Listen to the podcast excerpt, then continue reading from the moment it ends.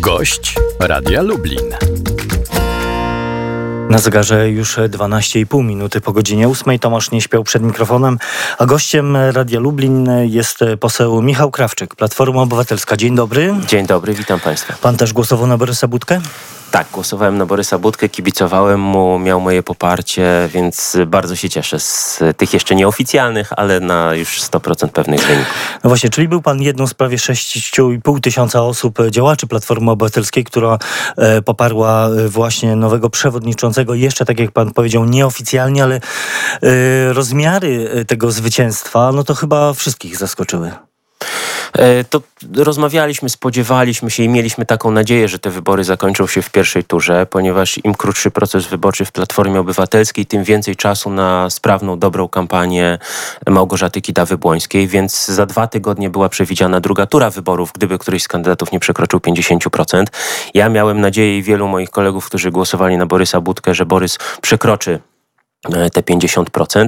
Natomiast prawie 80% poparcia wśród członków Platformy Obywatelskiej to jest naprawdę silny, potężny mandat do sprawowania władzy dla nowego przewodniczącego i też bardzo pozytywne zaskoczenie, bo to pokazuje, że to, że e, wskazaliśmy na Borysa Budkę najpierw na przewodniczącego klubu parlamentarnego, bo przypominam, że został dwa miesiące temu jednogłośnie wybrany na tę funkcję, a teraz na przewodniczącego partii, no to to jest e, nowa energia, nowe otwarcie w Platformie. Ale to jest tak, że że to było takie pospolite ruszenie, jakaś wewnętrzna partyjna dyscyplina, żeby e, właśnie zwolenników Borysa Budki, na przykład, żeby to wszystko rozstrzygnąć w pierwszej turze, e, żeby rzeczywiście było więcej czasu na tę Wie trudną co? kampanię. Jednak. Platforma Obywatelska jest bardzo demokratyczną partią. Jako chyba jedyna, bo ja sobie nie przypominam takiej dru takiego drugiego przypadku, wybiera przewodniczącego w powszechnych wyborach, w których głosują przewodniczącego Nie ma tutaj z nami partii. E, posła pewnie, który któregoś z posłów e, Konfederacji, ale oni już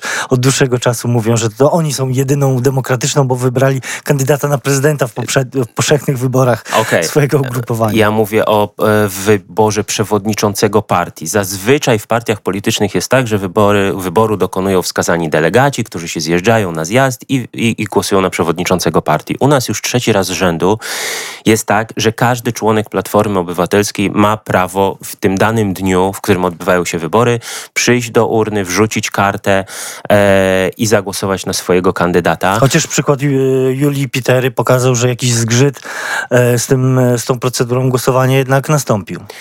Nie będę się komentował, nie będę wypowiadał, nie znam szczegółów. E, jest tak, że trzeba mieć chociażby opłacone składki, żeby zagłosować, więc e, no, nie chodzi, Chodziło o jej zawieszenie e, w związku Możliwe, z wypowiedziami publicznymi. Zostawmy to. O tak. jakieś kwestie formalne, tak. Natomiast każdy członek Platformy Obywatelskiej, który płaci składki składki ma prawo przyjść, zagłosować w wyborach wewnętrznych na przewodniczącego. Głosowanie jest tajne. Wygląda tak jak wybory powszechne. Wrzucamy kartę do urny, wcześniej zaznaczając, stawiając znak X przy kandydacie, którego popieramy a całe a, e, głosowanie poprzedzone było kampanią wyborczą. Do nas przyjechali trzej kandydaci, mam na myśli Lublin.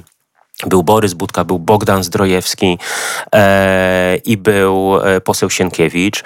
E, więc najpierw kampania wyborcza, spotkania z wyborcami, czyli członkami Platformy, a później głosowanie. Oczywiście e, zwolennicy poszczególnych kandydatów mobilizowali innych ludzi, zachęcali do głosowania. Ja sam zachęcałem chociażby na Facebooku w piątek do głosowania na Borysa Budkę. Natomiast no, to jest tajne głosowanie i decyzja każdego, więc wszyscy byliśmy ciekawi tych wyników. Z jednej strony mam zdecydowane zwycięstwo e, Borysa Budki, z drugiej strony 11%, e, czyli 920 zdaje się głosów dla Tomasza Siemoniaka, to jest wotum nieufności, także dla Grzegorza Schetyny, ten jego wynik? Znaczy to jest ewidentnie dowód na to, że członkowie Platformy Obywatelskiej chcą zmiany w sposobie kierowania Platformą, że członkowie Platformy Obywatelskiej chcą e, przewodniczącego, który jest liderem partii zarówno wizerunkowym, jak i merytorycznym. Chcą człowieka bardzo energicznego, który poprowadzi, mam nadzieję, najpierw Małgorzatę Kitawę-Błońską do zwycięstwa w maju, a później Platformę Obywatelską do zwycięstwa w wyborach parlamentarnych. Tych cech zabrakło Grzegorzowi Schetynie? Grzegorz Schetyna jest bardzo dobrym organizatorem. Przypomnę, że Grzegorz Schetyna bardzo pomógł Platformie Obywatelskiej kilka lat temu, kiedy przegrała po raz pierwszy wybory parlamentarne w 2015 roku i to on odbudował partię na nowo. Natomiast jesteśmy teraz w zupełnie innym czasie. Zmieniło odbudował, się... ale jednak, jednak y, pa, działacze partyjni powiedzieli dość. Tak, ponieważ zmieniły się czasy. Potrzebujemy innego lidera. Potrzebujemy człowieka młodego, energicznego, ale z drugiej strony z doświadczeniem parlamentarnym, bo Borys Budka od 8 lat jest posłem i człowieka bardzo dobrze przygotowanego merytorycznie do sprawowania swojej funkcji. E, w czym jest lepszy od Grzegorza Schetyny? Panie redaktorze, to są zupełnie inni ludzie. Ja mam nadzieję, że dla Grzegorza Schetyny będzie nadal miejsce w Platformie Obywatelskiej. Zresztą Borys Budka też o tym mówił, bo wychodzę z takiego założenia, że to, że ktoś wygrał wybory, to nie uprawnia go absolutnie do tego, żeby pozbywać się z partii politycznych konkurentów, co też często w partiach politycznych jest praktykowane. Ja jestem przeciwnikiem takiego podejścia. Mam nadzieję, że te dwie różne zupełnie osobowości w kierowaniu platformą będą się bardzo dobrze uzupełniać. Kilka tygodni y, temu tygodnik Polityka y, opublikował rysunek Andrzeja Mleczki zatytułowany Charyzmatyczny lider opozycji. Wie pan, kogo przedstawił ten rysunek? Nie widziałem tego rysunku. Nikogo, bo to było puste miejsce. Okay. E, czy Borys Budka ma szansę, żeby te puste pole wypełnić? E, uważam, że ma ogromną szansę z mandatem, który dostał teraz od członków Platformy Obywatelskiej, a przypomnę, że też jest liderem Koalicji Obywatelskiej. Został jednogłośnie wybrany przez parlamentarzystów, czyli i posłów, i senatorów klubu Koalicji Obywatelskiej, czyli zarówno Platformy Obywatelskiej, jak i pozostałych partii wschodzących w skład Koalicji Obywatelskiej, został jednogłośnie wybrany dwa miesiące temu na przewodniczącego klubu parlamentarnego. Teraz 80% poparcia w Platformie na przewodniczącego partii. Według mnie Borys Budka staje się liderem, jeśli już nie jest liderem opozycji w e, polskim parlamencie. To jeszcze lokalny akcent. Joanna Mucha na ostatniej prostej zrezygnowała ze startów w e, tych e, wyborach. To znaczy, że nie miała szans? Joanna Mucha szczerze powiedziała, że wiedziała, że tych wyborów nie wygra, że uważa, tak jak chociażby ja, że te wybory powinny rozstrzygnąć się w pierwszej turze, żeby było jak najwięcej czasu na prowadzenie kampanii Małgorzaty Kita-Wybłońskiej i bardzo świadomie podjęła według mnie dojrzałą decyzję, za którą wiele osób jej podziękowało, bo między innymi dzięki temu, że wycofała się z wyborów, Borys Budka dostał kolejne prawdopodobnie kilka procent głosów. Czy w Platformie Obywatelskiej brany jest e, pod uwagę wariant e, zmiany e, kandydata na wyborach na prezydenta? Nie, nie, absolutnie nie jest Takie brany. głosy się pojawiały w weekend, ale rozumiem, że to e, głosy e, nieżyczliwych w Platformie? Nie wiem, czy życzliwych, czy nieżyczliwych, ale taki wariant nie jest rozpatrywany. Małgorzata Kidawa-Błońska została wskazana także również po demokratycznej procedurze, kiedy każdy członek Platformy Obywatelskiej mógł zgłosić się na kandydata na, na prezydenta w prawyborach. Zgłosiły się dwie osoby. Małgorzata Kidawa-Błońska wygrała tą rywalizację i została wskazana przez Radę Krajową jednogłośnie jako kandydatka. Dostała poparcie ostatnio nowoczesnej, rozmawia z Zielonymi, więc y, będzie kandydatką bardzo szerokiej opozycji Koalicji Obywatelskiej. na pokład. Na prezydenta. Tak, dokładnie tak. Yy, zmieńmy temat. Y, czy uchwała yy, trzech izb Sądu Najwyższego jest y, zdaniem pana posła prawnie wiążąca? No, wiemy, ile kontrowersji wywołała yy, ona jeszcze w ubiegłym tygodniu. Minister Sprawiedliwości, właściwie cały PiS i Zjednoczona Prawica mówi, że ta uchwała nie wywołuje żadnych skutków prawnych i została wy, wy, wydana z, narusz- z rażącym naruszeniem prawa. Panie redaktorze, ja na początku zaznaczę to, że nie jestem prawnikiem. Natomiast y, w kwestiach prawa słucham osób, które są merytorycznie przygotowane do tego, żeby w tej sprawie się wypowiadać. I kiedy mam z jednej strony polityczny, polityka, ministra sprawiedliwości Zbigniewa Ziobro, a z drugiej strony Ale 60... prawnika.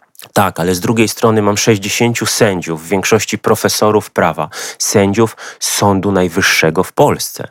To e, proszę mi powiedzieć, e, kto według pana ma rację w rozstrzygnięciu sporu ja, kompetencyjnego? Panie według pośle, mnie, ja pytam ale posła, to było pytanie, to było pytanie Sejm, retoryczne. Na Sejm Rzeczpospolitej to, Polskiej, bo pytam w imieniu słuchaczy i, i, Polaków, bo, bo oni też czują się Jasne. bez wątpienia zdezorientowani. O co w tym wszystkim to, chodzi? To było pytanie retoryczne. Jeśli mamy wykładać dokładnie 60 sędziów trzech izb połączonych Sądu Najwyższego, łącznie z prezesem, pierwszym prezesem Sądu Najwyższego.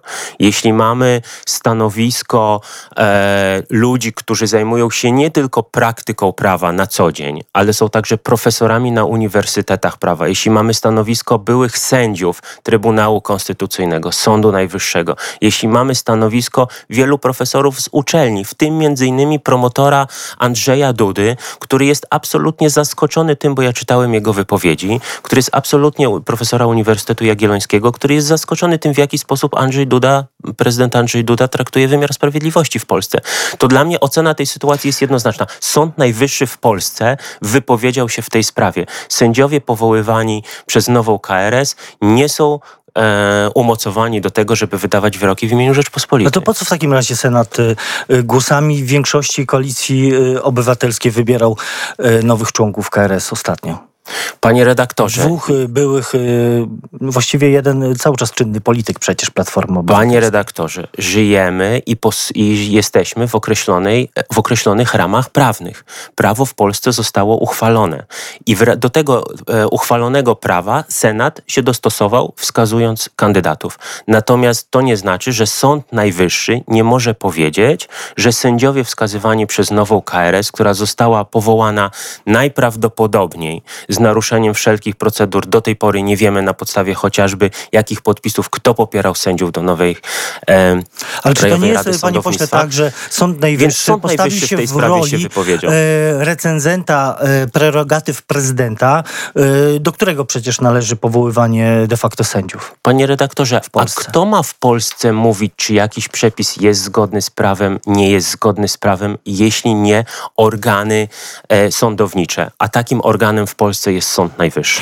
Tylko to y, politycy. Na początku tego sporu, który rozpoczął się w czerwcu 2015 roku, Platforma mówiła, że e, Trybunał Konstytucyjny jest najważniejszy. Kiedy e, i wtedy pamiętamy, że, że byli wybierani sędziowie na zapas. To za waszych e, rządów i za waszego pomysłu.